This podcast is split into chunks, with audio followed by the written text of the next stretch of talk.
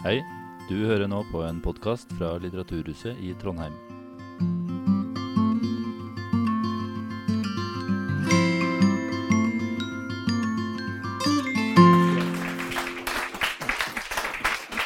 Boka heter 'De digitale prøvekaninene', og det handler jo rett og slett om at dette her er noe vi vet lite om.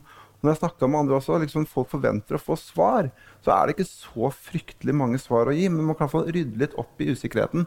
Uh, og for meg så begynte det med, da For da to år siden, litt over to år siden, så gikk jeg på et foreldremøte på Lillehammer, Hamartun skole, hvor min datter, som da akkurat hadde fylt ti år, skulle få en egen iPad. Og det kom litt sånn bardust på oss. Jeg tror ikke vi fikk vite det egentlig før i møteinnkallelsen til det foreldremøtet. Nå skulle hun få en iPad. Mm.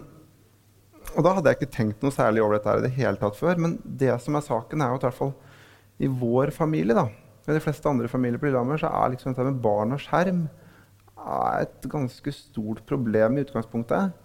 Uh, man har sosiale medier, og så har man barne-TV, og så har man iPad, og så har man spill. Og når skal de få telefon og alle disse tingene her? Sånn at alle prøver liksom å kjempe mot hele tida. Og så plutselig skulle hun få sin egen digitale enhet, nærmest med sitt eget navn gravert med gullskrift bakpå. Så tenkte vi liksom som så, da. Det håper jeg at de har noen gode grunner for, og det har de helt sikkert. Uh, men så satt jeg der da, og hørte på liksom, hvordan man skal pakke en iPad ut av esken, og hvordan du skal lade den opp, hvordan du skal sette på sikkerhetsveksel, og hvordan du skal bli, være ansvarlig hvis barnet ditt ødelegger alt dette her. Og så fikk vi liksom ikke noe svar på noen ting av det jeg lurte på. Og jeg som aldri rekker opp hånda på foreldremøte, virkelig aldri For jeg bare vil hjem og tenke at her er det liksom Uansett hva jeg spør om, så vet i hvert fall ikke disse lærerne her helt eh, noe om det. Det er ikke deres ansvar. Men så spurte jeg da, høflig sånn Hvorfor? Hvorfor er det de får dette her iPaden? Hvorfor har jeg ikke fått vite noe? Altså, vi signerer jo under, altså, Det er samtykkeerklæringer for jodtabletter ved atomkriser, og det er samtykkeerklæringer ved retusjering av snørr på skolebilder og alle sånne ting. Masse ting vi skal være med på. Mens dette her da, med disse nettbrettene var liksom flydd helt inn under radaren. Og så lurte jeg liksom på hvorfor. Sikkert det samme som dere spurte om. Sånn, lærer de noe bedre av dette her, da? Uh, er det noen, liksom, Har myndighetene bestemt det? Nei, ingenting vet ingenting. Det eneste vi vet, er at vi ikke vet noen ting.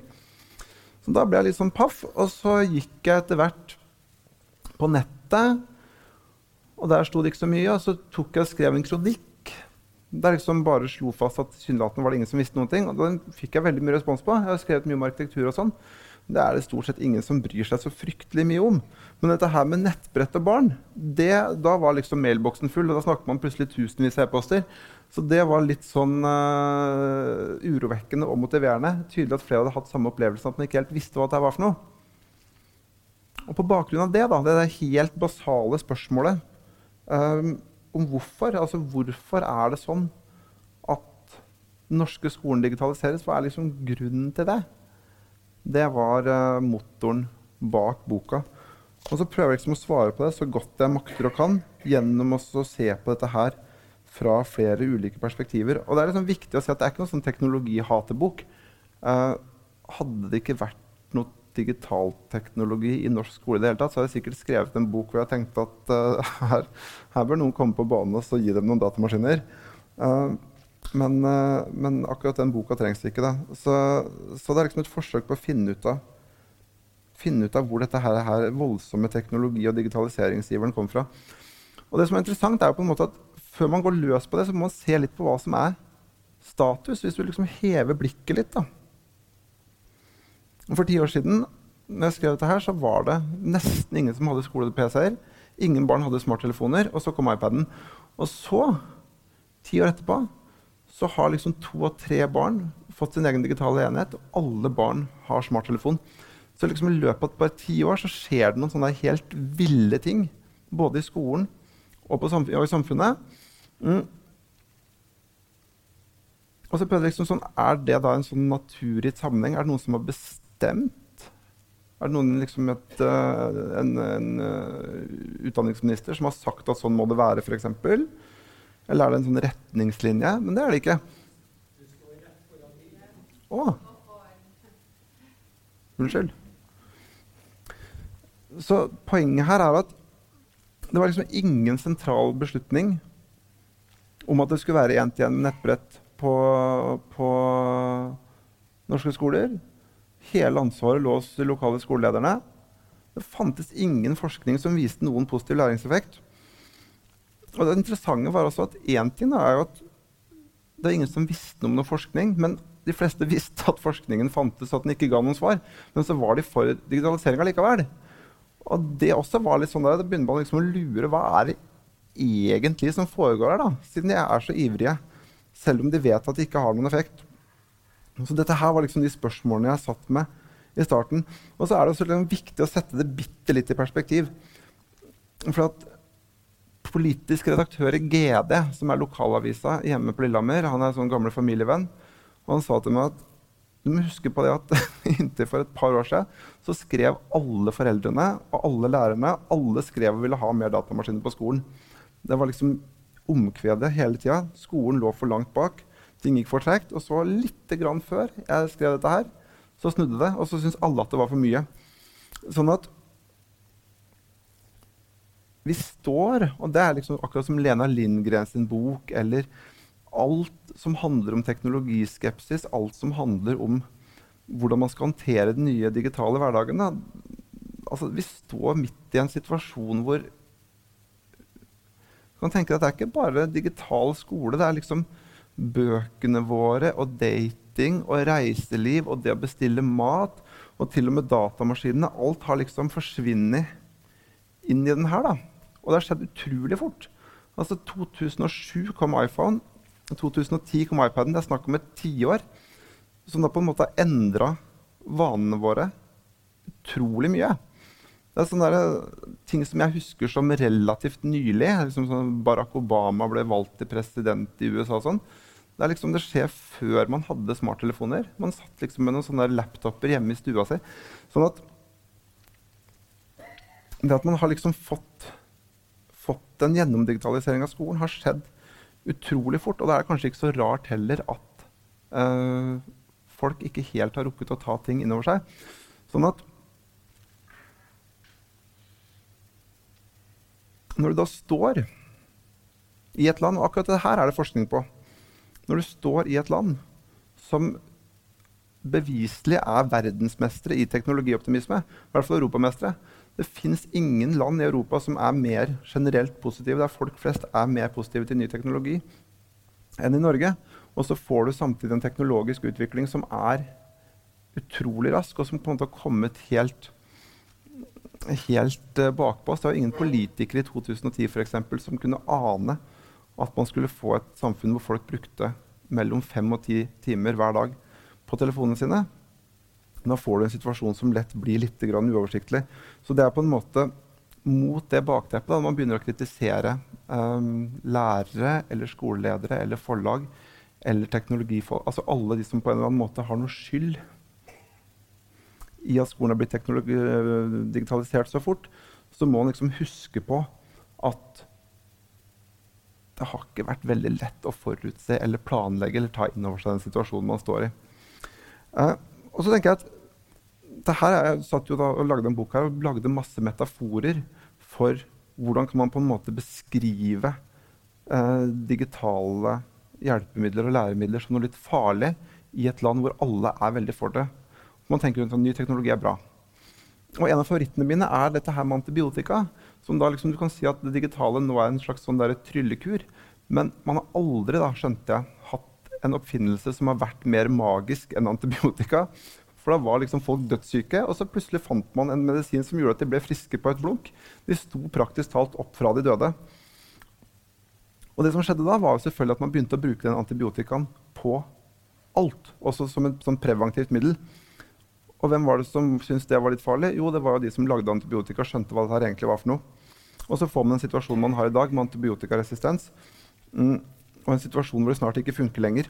Og det er liksom det jeg har prøvd å si da, i forbindelse med den digitale teknologien, er at ja, det er noen steder hvor den er veldig sunn, og hvor det er fint å bruke den, og hvor vi vet at det har en hensikt. Det går fortere å sende en e-post enn å sende et brev, f.eks. Men når jeg tenker på at alle barn i norske skoler fra første klasse opp til opp til siste året på ungdomsskolen skal ha sine egne iPader, så er det liksom nesten som man på en måte får en sånn bredspektra digital preventiv kur uten at man helt vet hvorfor. Man bare tenker at det digitale er utrolig bra i seg sjøl. Og det uh, er noe med den holdningen da, som jeg syns er litt skummel. Og så er det sånn at hele tida når du møter disse teknologioptimistiske menneskene, kanskje det er dere også, så får du bare ta og arrestere meg etterpå. Når man snakker med dem, så sier de sånn, at det er ikke det digitale som er et problem, det er bruken. Det handler om riktig bruk. Og så kan det være mindre bruk. Nei, det er ikke mindre bruk, det er riktig bruk. Og Da ble jeg så glad når jeg fant det sitatet her fra en, fra en sykehjemsoverlege. For det er liksom akkurat det samme medisinbruk. Mange vil heller snakke om riktig medisinbruk, men dette er i de fleste tilfeller ensbetydende med færre medisiner. Det er overmedisinering som er det største problemet i dag. At liksom du har en sånn litt lettvint kur. Og når du først har den, så er det fryktelig lett å bruke den til alt. Og så er det litt sånn vondt og vanskelig å si at vet du hva, det beste er bare å skru helt ned. Akkurat den har vist seg å være ganske sånn kompatibel med hvordan man tenker om, eh, om eh, digitale hjelpemidler på skolen også. Og så er det også en sånn ting, da, Kanskje det er noen lærere her. Men det er veldig mange som sier hva med lærerne? Det viktigste er at lærerne kan bruke det ordentlig. Så lenge du har gode lærere, så er ikke digitaliseringa noe problem. Og det er jeg på en måte enig i. da, for at når jeg gikk på skolen, så var det sånn at hva slags lærebøker man hadde, hva slags klasserom man satt i, hva slags medelever man hadde. og sånn. Så lenge du hadde en skikkelig god lærer, så løste liksom alt seg, for at de klarte å håndtere det i en klasseromsituasjon. Og så er det jo sånn at før, fikk, før elevene fikk egne nettbrett, så hadde de f.eks. PC-traller som de måtte kjøre fram og tilbake, og de brukte masse tid på logistikk. sånn at det er på en måte mye lettere å få til god undervisning med et nettbrett. Men det som på en måte ikke blir tatt opp der, da, er liksom den problemstillingen om kanskje unger i seg sjøl ikke har så fryktelig godt av å sitte og se på, se på, skjerm hele dagen. Og da tenker jeg litt sånn at Det å få nettbrett til å funke på skolen er på en måte to diskusjoner. Det ene er liksom den praktiske håndteringa i klasserommet. Litt som med bilkjøring. at Du må jo ha noen kjøreregler. Du man passer på at folk kan kjøre de bilene ordentlig, at de bruker uh, sikkerhetsbeltet, og at de forholder seg til, uh, til noen trafikkregler og sånn. Altså liksom få det til å fungere praktisk. Så det er på en måte ett nivå av, uh, av, trafikksikkerhet og det som har med biler og problemer å gjøre. Men så er det et annet nivå som handler om at bilene forurenser verden så mye at vi holder på å gå under. Og Det er liksom litt urettferdig å legge ansvaret for det over på kjøreskolelærerne. Så det er på en måte to nivåer. Én ting er det som skjer i skolen, men så er det på en måte, tenker jeg da, et slags politisk ansvar, et overordna ansvar, for å se på hva digitalisering gjør med ungene, eller hva det gjør med samfunnet som sådan. Sånn at det handler ikke om å si at lærerne har gjort en dårlig jobb, eller at de ikke klarer å håndtere nettbrett uh, i sine klasserom. Det er mer en sånn, i hvert fall i nysgjerrighet. da. En nysgjerrighet på å tenke sånn Er det egentlig potensielt sett noe skadelig med skjermen i seg sjøl, uavhengig av hvor bra du bruker den. Akkurat som med biler. Du kan jo kjøre så godt du vil, men forurenser likevel. Så det er på en måte en sånn ting. Og med dette her da, i, i, i bakhodet så begynte jeg da å gå gjennom historien. For det viste seg at den digitaliseringen av norsk skole det er ikke noe som, eh, som kom med det der foreldremøtet mitt. Det har jo pågått i, i 40 år allerede. Og Nå snakker vi ofte om at våre unger er digitalt innfødt og sånn, men jeg da, som er 40, 41 nå, 40 når jeg begynte på den boka der, er jo også en digitalt innfødt.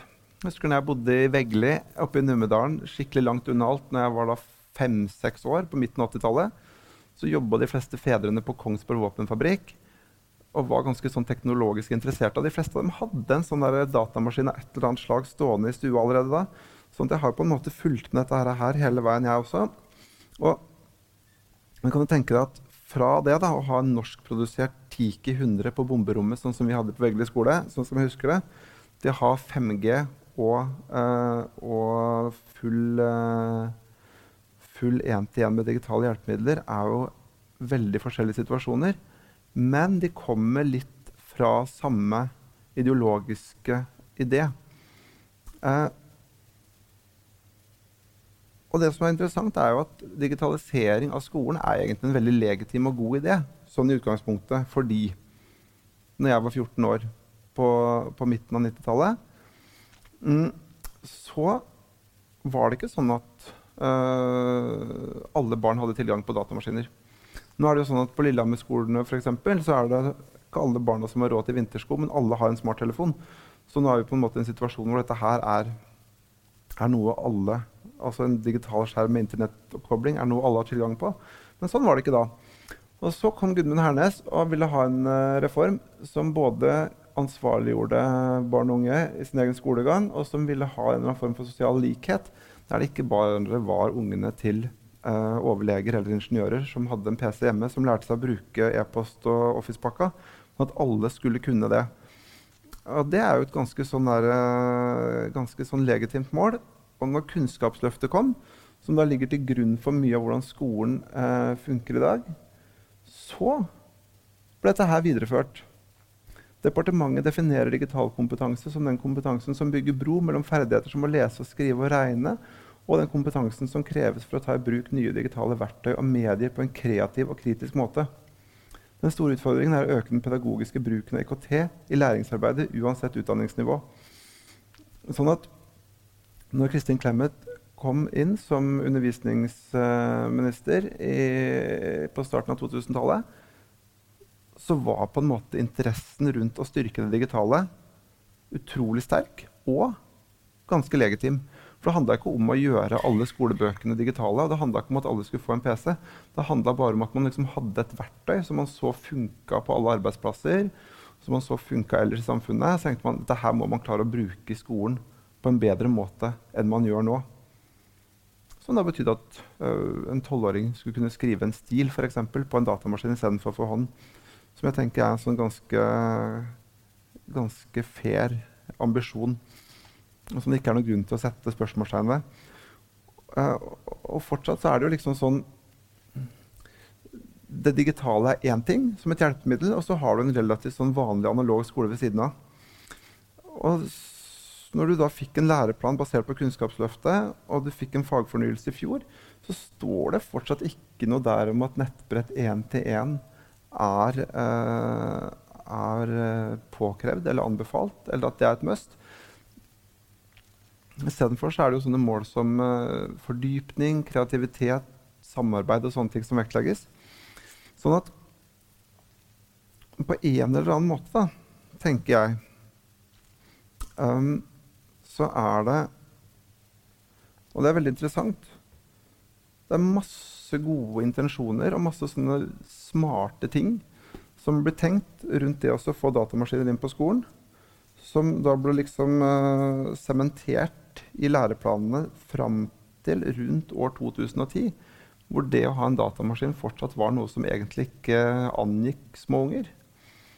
Og så har man liksom beholdt den målsettinga, og så har man fått alle mobiltelefonene og alle iPadene. Og så er liksom den samme digitaliseringsiveren i dag som det var uh, en helt annen sånn før-mobiltelefon, før-iPad-verden.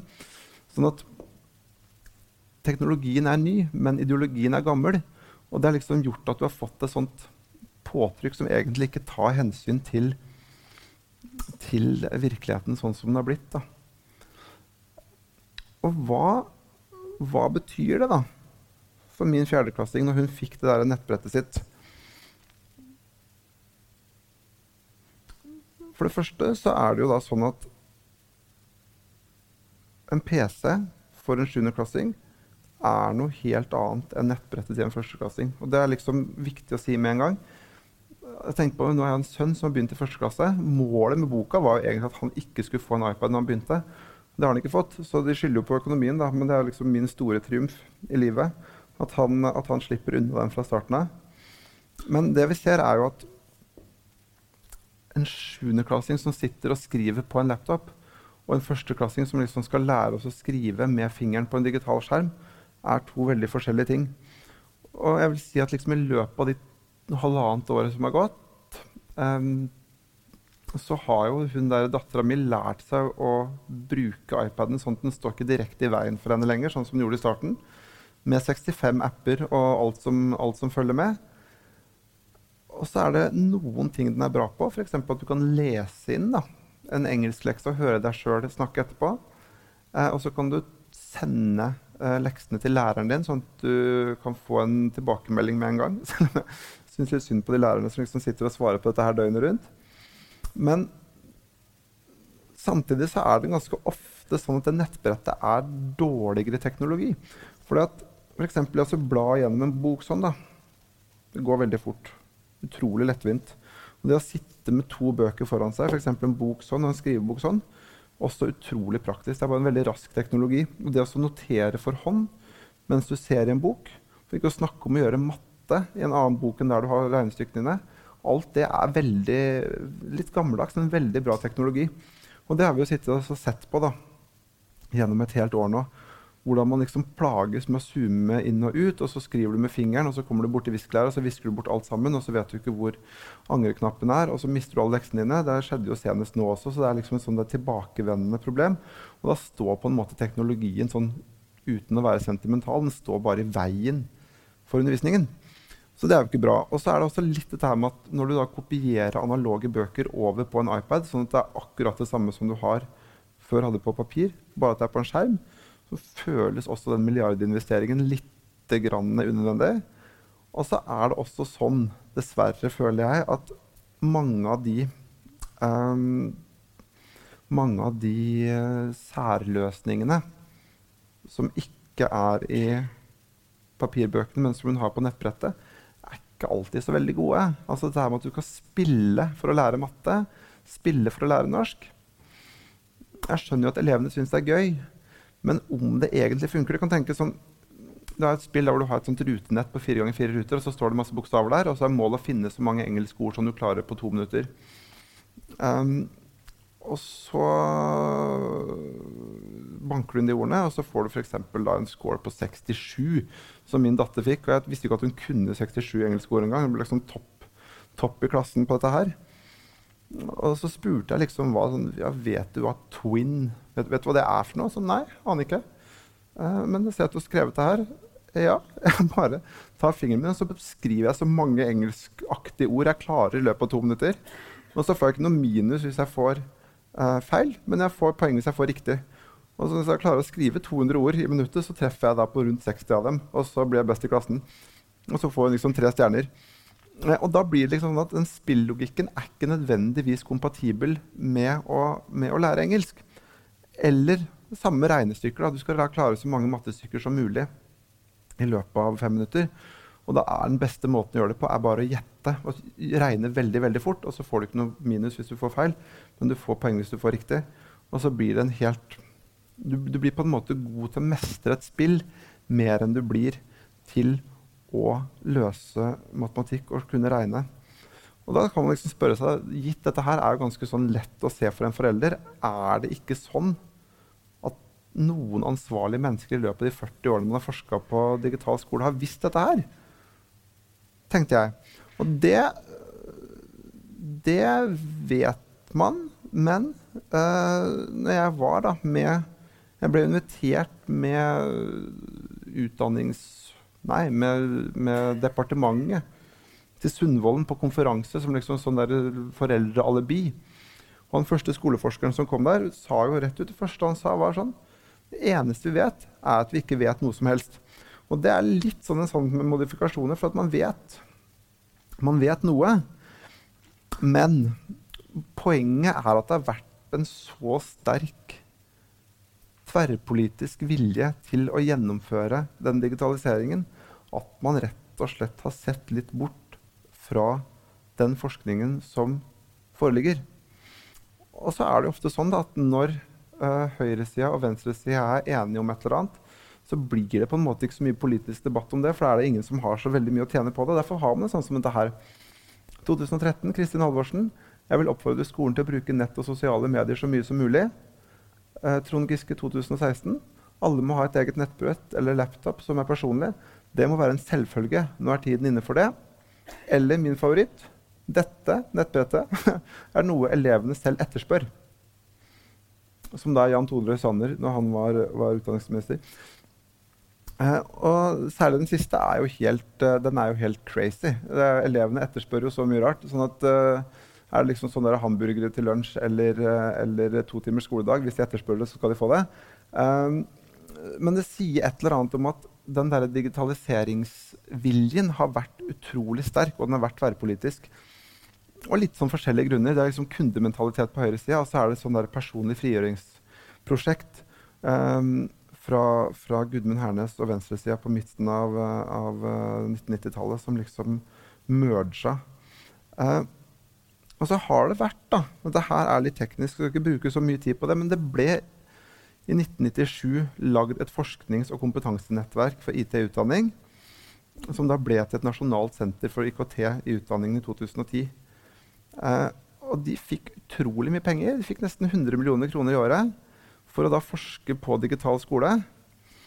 Eh, og det er det altså mange som mente var eh, ren propaganda som da hevdes av onde tunger. Og det som er et faktum, er at når eh, man kommer til 2015, så får du et sånt tildelingsbrev en gang i året. Og da hadde en, da hadde man fått en kunnskapsminister som hadde sett så nøye på det de holdt på med, at Torbjørn Røe Isaksen da i tildelingsbrevet hvor de får pengene sine, måtte presisere at senteret var pålagt å legge frem også eventuelle negative forskningsfunn. Som da betyr at det hadde vært utelukkende uh, positive ting som var lagt fram hele veien, uten at det egentlig var noe belegg for det. Og så kan man spørre hvordan får man til det? Jo, da teller man da hvor mange PC-er man har i norsk skole. Eller så teller man hvor mange lærere som har vært på kurs. Og så legger man fram eh, rapporter fra USA der eh, IT-bransjen selv eh, lovpriser eh, sine egne produkter. Satt litt på spissen. Så det er lagt ned. Fra og med 1.1.2018 så forsvant det. Eh, teknologireklame statsstøtte ble det kalt i dag og tid, eh, parallelt med at jeg satt og skrev på dette her. Som da er litt sånn der hardt Ganske sånn der krass påstand som jeg tenkte dette her er det noen som kommer til å ringe og si at det ikke stemte. Men jeg har ikke hørt noe om det. Så da får vi gå ut fra at det kanskje er mer, eh, mer sant enn man skulle tro. Og så er det jo sånn at man sier at man ikke vet noen ting. Og det er, det er liksom en sånn påstand det er litt lett å legitimere ved at det er så innmari komplekst. For at liksom, Hvordan vet du om du hadde lært bedre hvis det var bøker her, eller omvendt, eller osv.? Men det vi vet, er at disse PISA-rapportene de har fått styre norsk skole i veldig stor grad. Og så har man da OECD, som står bak PISA, som hadde en rapport i 2015 der man så noen grafer som er veldig morsomme, for de viser helt tydelig at du har uh, veldig mye dårligere resultater med mye digitalt. Men det viser sånn at hvis du, hvis du har liksom her er eh, På denne linjen her så har du da ingen data i det hele tatt. Da er det sånn. Og så hvis du har litt data, så er du opp der. Og jo mer data du har, så går du dypere og dypere og dypere, og dypere, og dypere nedover. Som var en sånn veldig entydig og grei eh, forskning som viste at dette her kanskje ikke var den vidunderkuren som alle trodde at det var. Men den var det ikke som brydde seg om. Uh, det var visst ingen som fikk med seg det, står det her. Og det var det. Men det var jo da jeg fikk overraskelse nummer to, da jeg skjønte mm, hvordan, hvordan, øh, forskningsmiljøer har forholdt seg til dette her. For man kommer da til et punkt hvor jeg skjønte at alle er enige om at barn ikke lærer bedre på skjerm. Ok, hva så? Da kan vi ta denne her først, da, for siden dette her har vært, uh, vært liksom den rådende tendensen. har jeg skjønt. Man har ett senter i Norge, lesesenter i Stavanger, hvor du har forska og forska på digital skole og effekten av disse digitale læremidlene. Og dette her er da én av to uh, professorer som på en måte har hatt hver sin um, De representerer definitivt hver sin gren innenfor forskningen på digital uh, skole. Og det han Atle Skaftum sier, da, er at når det gjelder digitalisering av skolen, er det ikke meningsfullt å vurdere om elevene skal bruke penn og papir eller en digital tings. tings. Skolen må ikke bli et museum. Og det er klart at Hvis du har den holdningen, så betyr det på en måte at da er det eneste som betyr noe, er på en måte å ha en eller annen form for sånn fremtidsretta holdning. Jeg husker jeg snakka med han også, da han sa sånn der, nei, her må alle være på lag med teknologien mot fortida. og Det syns jeg media og pressen også skal være. Og det er klart at Hvis dette her er på en måte har vært toneangivende, så, så, tenker jeg at det er litt skummelt. Og det er klart at jeg er jo enig i at man skal utforske nye muligheter som f.eks. gjør at unger blir mer motiverte. Jeg syns det er morsommere å lære uh, at potensielt ressurssvake elever også kan delta i undervisningen i større grad enn de gjør nå, osv. Men det er på en måte litt sånn tynn argumentasjon for en helhetlig reform som da i prinsippet angår alle skolebarn. Og så kommer hun her, Anne Mangen, som da etter hvert ble, ble øh, kan ikke si min favoritt, men hun har en litt annen tilnærming. Hun prøver liksom å se. Hvis du har ti elever som sitter og leser på en skjerm, og så har du ti elever som leser i en bok, um, hvem gjør det best? Hvem husker mest? Hvem klarer å svare på flest spørsmål? Og det er liksom litt rart å tenke på at man har hatt et IKT-senter som da har fått 1 milliard statlige kroner, men som ikke har giddet å undersøke det i det hele tatt. Når øh, det da ikke er så fryktelig vanskelig å gjøre det. Og når jeg har sett henne både snakket med henne i forbindelse med dette her, men også etterpå, hvor man da ser at du leser dårligere en vanskelig tekst på en, på en skjerm enn, enn du gjør det i en papirbok. Og jeg ikke hvordan det er med dere, men jeg tenker altså når jeg gikk på, på høyere utdanning og liksom skal lese fransk poststrukturell filosofi det går ikke an å gjøre det på et nettbrett. Kan ikke gjøre det, Nesten ikke en bok engang. Men hvis du da har en e-post som driver og tikker, eller du har muligheten til å sveipe over til noe annet, eller du liksom ikke har noe forhold til det formatet du leser i Så det er litt, sånn selvforklarende også. Uh, og det stemmer jo det overens med, med forskningen. Og så er det liksom en sånn interessant ting her. for at når man snakker med folk som kan mye om teknologi, så er ikke de nødvendigvis så fryktelig teknologipositive. De har en mye mer sånn nøktern holdning til det. Bruk digitale ting der du kan, og så bruker du ikke-digitale ting der du ikke trenger å gjøre det. Og det er liksom som jeg jobber som arkitekt, så du, det er ingen som sitter og tegner et vindusskjema eller tegner en sånn der, uh, fasade på en høyblokk der for eksempel, og så tegner det samme vinduet 100 ganger for hånd. Tuk, tuk, tuk, sånn som man måtte gjøre før. Så trykker du på en knapp, og så blir det strødd utover. Men samtidig så sitter norske arkitekter og tegner veldig mye med papir og blyant fortsatt. Og de bygger liksom modeller av tre og med leire, selv om de har VR-briller. Sånn at den der balansen som kommer litt naturlig i, i, næringslivet og sånn, føler jeg at har vært eh, den, den kommer liksom ikke helt av seg selv i skolen. Og så må man liksom spørre seg, da Siden dette her er uh, Siden dette her er uh, verdens potensielt sett største industri, hvilken rolle spiller teknologiselskapene i den utviklinga vi ser? Og når man da sier verdens største industri, så er det kanskje å ta litt hardt i, men vi vet jo at Apple og Google og Facebook og sånn er ganske svære. Og så vet man også at hvis man da klarer å få skolene som kunder, så er jo det et marked som er for det første helt utrolig stort. Og så er det et marked hvor du da får tak i potensielle kunder veldig tidlig, sånn at du får en sånn kundetilhørighet fra de er bare fem år gamle. Og så er det også et sånn veldig høy oppside, for at lærere og skolemateriell og sånn, sånn globalt sett koster veldig mye penger. Så hvis skolene f.eks. da bruker globalt sett 2% mindre på lærere og 2% mer på teknologi og teknologiske hjelpemidler, så utgjør det så mange billioner dollar at det er helt sånn Det er, helt, det er, ikke, å, det er ikke, helt til å ta inn over seg.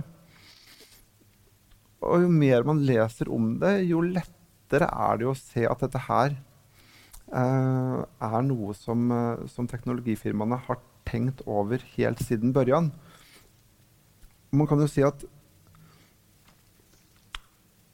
Apple begynte ganske tidlig å bare gi datamaskiner til amerikanske skoleklasser. Fordi de tenkte at dette her er en langsiktig investering. Det handler ikke om å selge noen PC-er nå. Det handler om å få til en eller annen form for uh, avhengighet. Hvor man liksom får en skole som er avhengig av digital teknologi. Og det er smart. Uh, man kan jo si at når man snakker om EdTech, da, som liksom er Education Technology, digital teknologi og skole, så er det litt urettferdig. Jeg satt sammen med han som var digital sjef i Gyldendal, som heter Ulf. Og begynte å liksom sammenligne Gyldendal med Facebook. Eh, da ble han ikke helt glad. For Det er klart at De lager læremidler, og de har på en måte et samfunnsansvar i det norske samfunnet, føler de. Og som han sa, det er ingen der som liker digitale løsninger. Alle der er jo veldig glad i papirbøker. Det er jo et forlag. Sånn at uh, han, følte seg, han, følte seg, urettferdig behandla når han da antydet at skoleledere rundt omkring i Norge følte seg noe presset når salgsrepresentanter var på besøk, og foreslo at de kanskje burde gå over til uh, digitale løsninger istedenfor papirløsninger. Han ville, ikke, han ville ikke kjenne seg igjen da, i den virkelighetsbeskrivelsen. Men samtidig så har vi en situasjon hvor Gylden også drar på teknologimesse og sier at vår, vår, stand skal fremstå som en godteributikk med digitalt læringsinnhold for lærere og elever på alle trinn og alle fag. Som da betyr at de har investert da, som han sa, 100 millioner i digitale læremidler uten helt å få det igjen enda. De satser på at de vil få det igjen på et eller annet tidspunkt i framtiden. Eh, og de har jobba ganske hardt for å få en markedsledende posisjon i Norge, hvor det er de som er best på digitale læremidler. I hvert fall, i hvert fall var det det da når jeg holdt på med dette her. Og da blir det en sterk egeninteresse. Da er liksom alt dette her med på å dytte skolen i en mer, mer, teknologisk retning. Og så er det jo sånn at man ser det, Jeg vet ikke om dere har vært på noen av disse messene, men det er liksom sånne vekkel, digitale vekkelsesmøter hvor du da har representanter fra, fra Apple da, eller Facebook eller de norske forlagene for så vidt, som sier at dette her altså de, har jo, de har jo noen budsjetter som er helt utrolig store, og så har de mulighet til å få noen lærere opp på talerstolen som sier at dette her er helt superfint, og så selger de produktene sine, som da er glansa og glossa etter alle kunstens regler. Og så står det da en eller annen skolesjef fra en eller annen kommune i Norge og vet at nabokommunen og nabokommunen på andre siden har kjøpt inn dette her, er på lag med framtiden og liksom, og liksom blir, feirer seg sjøl uh, eh, på den måten. Så er det litt sånn vanskelig også, tenker jeg, for dem å, å skulle stå imot det. Uh, Dette er et litt langt sitat, så jeg behøver ikke lese hele det. Men poenget, da, poenget er at uh, Og som er litt sånn sentral ting og litt sånn skummel ting, uh, er at for, uh, for de store IT-selskapene så handler det på en måte ikke om det handler egentlig ikke om å selge enheter. For Gyldendal så handler det jo fortsatt om å selge digitale læreverk, og de er fornøyd med det sånn i prinsippet. Mens for Facebook eller, eller, Apple eller Google så handler det på en måte mer om å forme skolen i sitt eget bilde. De har jo klart det med resten av verden ganske langt på vei. Sånn at ønsket deres er jo egentlig å få til en skole hvor det er mindre lærere og mer teknologi. Det er på en måte sånn der basic ideen deres.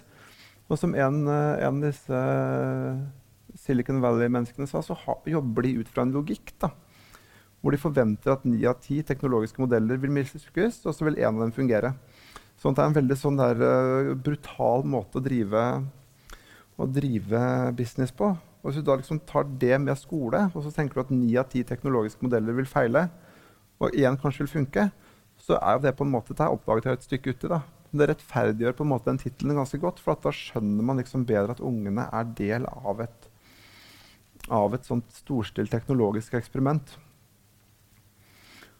Og dette er da saksa fra han godeste Zuckerberg, som sier rett ut at målet hans er liksom en fremtidens skole der elevene skal sitte i grupper og jobbe på sine digitale enheter i en klasseromsituasjon definert av algoritmer og programvare, ikke lærere.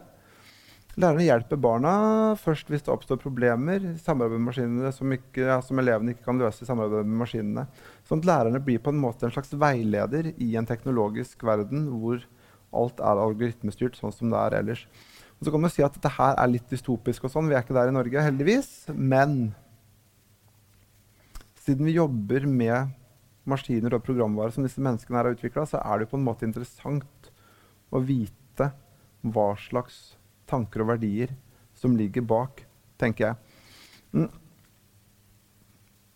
Og så er det et stort spørsmål, da, også, som jeg ofte får også. Sånn der, det er mange som mener sånn Hva skjer egentlig oppi hodene til barna våre når de ser på en skjerm? Det er jo ikke sånn at man får kreft i øya å se på en mobiltelefon. så vidt jeg vet, sånn Det er liksom ikke dødsens farlig på den måten. Men man vet jo at Det vet jo alle her også det, det, er liksom et eller annet med den tingen her som er helt utrolig avhengighetsskapende. Og jeg, så Skjermtida lyver ikke. Den kommer en gang i uka for meg også. Og jeg har, ikke, jeg har aldri hatt et sosialt medium. Og jeg føler jo selv at jeg aldri er på noen andre nettsider enn NRK, egentlig. Men likevel så er det liksom sånn der fire timer skjermbruk dagen. Sånn at den der tvangsmessige måten å hele tiden sjekke Så fort du har, ikke har noe helt annet konkret å gjøre, så sjekker du telefonen din. Det er liksom en kjensgjerning. Og det er også en del sånne Som en venn sa til meg, han, har et barn da, som han prøvde å få til å høre på lydbok. Og så lenge man satt på en CD, for eksempel, så gikk ikke det. Han klarte ikke å konsentrere seg. Men da den fireåringen da fikk en iPad, og det eneste interaktive elementet var at du så den der lille kula som viser hvor langt du er i boka, som gikk sånn sakte, sakte, sakte over skjermen i løpet av en time, så han fikk den, så klarte han liksom å sitte og se på den. Sånn at det er noe i møtet mellom mennesket og disse skjermene her som, som har en eller annen effekt som jeg ikke, man tror kan si at man ikke helt har funnet rekkevidden av. Eh, og så gjør det for noe, da? Jo, det gjør at unge leser dårligere i dag, f.eks. Eh, når du sitter på en skjerm hele tida, så leser du dårligere fordi du leser mindre bøker. Når man republiserer eh, lettlestbøker fra 2000-tallet, starten av 2000-tallet i dag, så er det med 40% mindre tekst, bare fordi at unger ikke klarer å lese samme tekstmengde eh, nå som, som, vi gjorde, eller som uh, unge voksne gjorde for, for, bare noen få år siden. Mm. Og så er det dette med at kanskje ikke skjermen er farlig i seg sjøl, men hvis du sitter fem timer på den en ettermiddag, da, så går du glipp av veldig mye annet. fysisk aktivitet, eller det å leke med andre barn, eller det å lære seg å snakke osv. Så osv. Så sånn at dette her er jo helt sånne basic ting som alle egentlig vet, men det er jo verdt å merke seg at det først er i år at Folkehelseinstituttet tror jeg det kommer med en klar anbefaling om at små unger på under to år bør ikke se på noen skjerm i det hele tatt. Sånn at det at man liksom, jeg husker at På Sundvolden hos disse der departementsfolkene så var det hele tiden sånn, sånn ja, det du må huske på at dette her er bare et pennal. Eller dette her er liksom bare, det er bare en bok som er på en skjerm. Ja og nei. Uh, det er Jeg er enig i at bøker også er teknologi og sånn. Det er bare at den teknologien her er noe litt annet. Og det tror jeg også vi kommer til å se at uh, man bare er nødt til å ta pent inn over seg. Um, og så er det masse myter. Det er sånn, sånn der kar fra NTNU som da mente at man burde bruke 200 millioner på, på digitale læremidler istedenfor høyere lærertetthet. Bl.a. blir barn flinkere til å multitaske i den forstand at man kan fokusere på én ting i det øyeblikket, for så å omstille seg og fokusere på noe helt annet i det neste. Og det er feil. Det er feil. Det er ikke sånn det fungerer i det hele tatt. Uh, så det er liksom bare én av mange digitale myter som handler om at man tror bedre om disse tingene enn man egentlig har grunn til. Og det er også sånn at Man tror at kanskje små barn da, som er ti år nå, leser bedre på digitale skjermer enn det dere og jeg gjør. Det er helt feil, det også. Leser mye dårligere.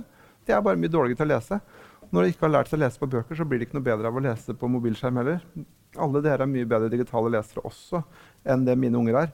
Sånn at den der liksom litt blinde, optimistiske, optimistiske troen på, på skjermens vidunderkur er ikke begrunna i virkeligheten. Eh, og så var det et spørsmål, da. Jeg skrev en bok her hvor mye av altså skjerm hjemme og skjerm på skolen, er det to forskjellige ting?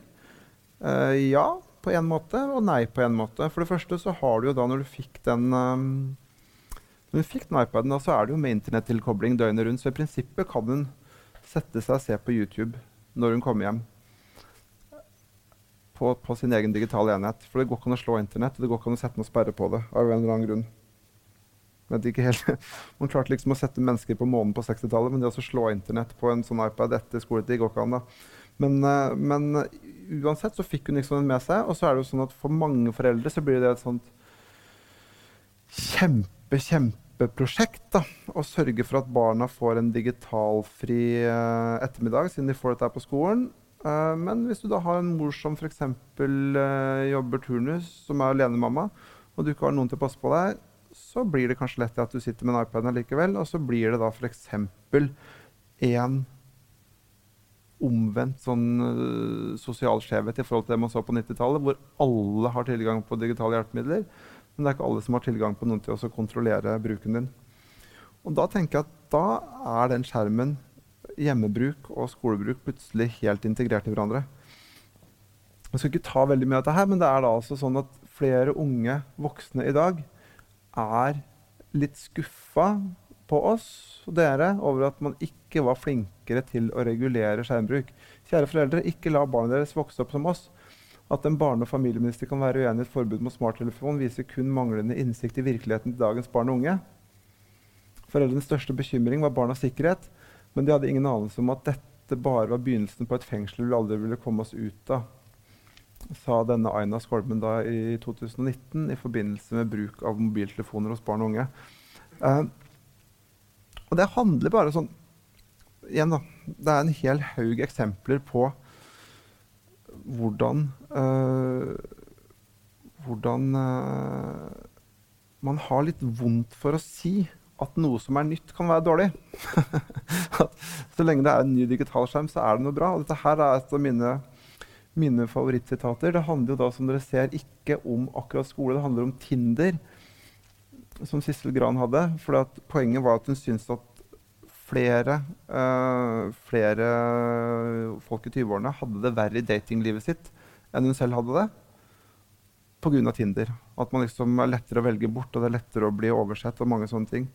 Og så sier jo folk til ham da at Husk på at det var sånn før også. Samme sånn med digitale hjelpemidler. Folk så på TV før òg. Folk så på video før, og folk spilte dataspill før også. Eh, folk sa stygge ting til hverandre før man hadde Facebook.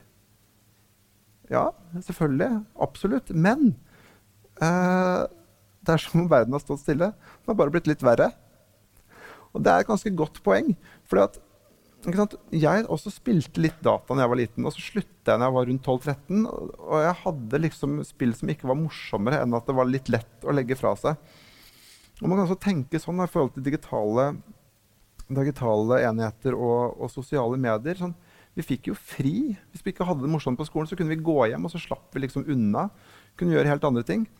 Men hvis du da sitter alene på rommet ditt, da er en jente på 13 år som ikke har det så innmari godt, og så ser du på en måte klassekameratene sin litt sånn glansa, glansa hverdag, liksom selvforskjønnende hverdag, og får den inn, deres vellykka liv, liksom som et beep én gang hvert femte minutt, så er det en annen type belastning enn når du hørte om det i kantina på skolen dagen etterpå. Og det er sånn at Den boka jeg sitter og skriver på nå, handler om skolevegring, som var sånn der, mm, noe som kom tytende ut mellom, eh, mellom de digitale opplevelsene denne boka her. Og da er det altså sosiale medier. Når vi snakker om ungdom som har det vanskelig, så er det sosiale medier. Det er dit alle lærere, alle PPT-folk, alle fra BUP går med en gang. Det er de sosiale mediene og hva det gjør med, det gjør med livene til unge, unge folk. Mm. Og da er det liksom sånn OK, kan man da begynne å spørre seg om denne her, altså en digital skjerm med internettoppkobling eh, 24 timer i døgnet, kan den være et problem i seg selv? er spørsmålet. Og, og, sånn avslutningsvis så kan man gå tilbake igjen da, og se hva var det som skjedde i Lillehammer. Hvis, hvis alt er liksom så gærent, hvordan kunne da Lillehammer kommune, min uh, trauste Lillehammer kommune med så mye velmenende og snille og flinke folk, hvordan kunne finne på å introdusere dette her i det hele tatt? Og det å spore den prosessen der, det var jo ganske morsomt, egentlig. Og så blir man ikke så sliten av å skrive så med blyant. Ha-ha-ha, sa et barn når de da drev evaluering av den pilotprosjektet deres, så kan du tenke at uh, hvor er dette her er liksom klippet ut av lokalavisa? Nei, nei, det er fra vedtaksdokumentet til Lillehammer kommune. Når de skulle samle sammen argumenter for eh, innføring av, uh, av, iPad i alle barneskolene. Og dette er da klippet fra evalueringen av, av, piloten. Jeg får mer lyst til å gjøre lekser. Det er bra at vi kan spille inn lyd, så slipper man å skrive alt. Så blir man ikke så sliten av å skrive som med blyant. Ha-ha-ha, sa elevene. Mens foreldrene er motiverende for barnet mitt. Gjør læring mer gøy og spennende. Enkelt i bruk og masse muligheter. Mens lærerne er svært motiverende for både elever og lærere. Alle får til noe, og noe de kan stolt kan vise fram for klassen. Det stimulerer kreativiteten. Og det er klart at når jeg så dette her, så ble jeg litt sånn uh, motfallen. For det er jo på en måte uh, Som en, en lærervenninne av mine foreldre sa, da så var liksom hennes opplevelse i Lillehammerskolen av den digitaliseringsånda som kom på 2010-tallet, den kunne liksom ikke beskrives som noe annet enn en vekkelsesbevegelse. Det kom digitale predikanter som på en måte sang det digitales lovsang. Og så var det sånn at hvis du da sa noe mot, så var du stempla som en kjetter, og så var du ute av det gode selskapet. Mm, så vet jeg ikke om det er helt sant eller ikke sant. Og det er jo ikke sånn at alt det digitale nødvendigvis er dårlig for det. Men det var et eller annet med stemningen da, rundt den innføringen her som ikke akkurat var kompatibel med, eh, med nøkternhet og kritisk tenkning. Så hvor står vi igjen da? Til tross for enorm ressursbruk er det ikke dokumentert generell positiv læringseffekt. Nøytral forskning har dokumentert generelt negativ effekt på en rekke områder. Dagens system skaper større sosiale skiller, og skjermbruk har blitt en enorm folkehelseutfordring for unge, også utover det faglige. Hva nå? Det jeg ønsker meg, sånn, og dette her er liksom ganske sånn to moderate ønsker Jeg tror det er viktig at det kommer et politisk eierskap til det. Nå ser jeg kineserne forbyr alle barn å spille data mer enn to timer i uka. Det er jo skikkelig, det tar man, tar man skikkelig hardt i. Men at man i hvert fall har en nasjonal retningslinje på hvor mye skjermbruk unger skal ha i skolen, det tror jeg er viktig. Og hvis man først får det, så håper jeg at det ikke blir noen skjerm i første til fjerde klasse. Ikke noen personlig skjerm. Og når de, først får en, når de først får en skjerm, at de får en PC og ikke et nettbrett. For jeg vet, altså, Er det noen jobber hvor du bruker nettbrett i det hele tatt? Veit ikke. Og i hvert fall ikke noen jobber hvor du bruker nettbrett hvor du trenger 13 år skolegang på nettbrett for å få det til. Sånn at det at man begynner liksom å differensiere litt og se på hva som er hva, og kanskje ta et skritt tilbake igjen, det tror jeg er veldig viktig. Sånn. Da er vi landa på 20, klokka 20 akkurat. Så da sier jeg bare tusen takk. Da var vi, da var vi i prinsippet gjennom.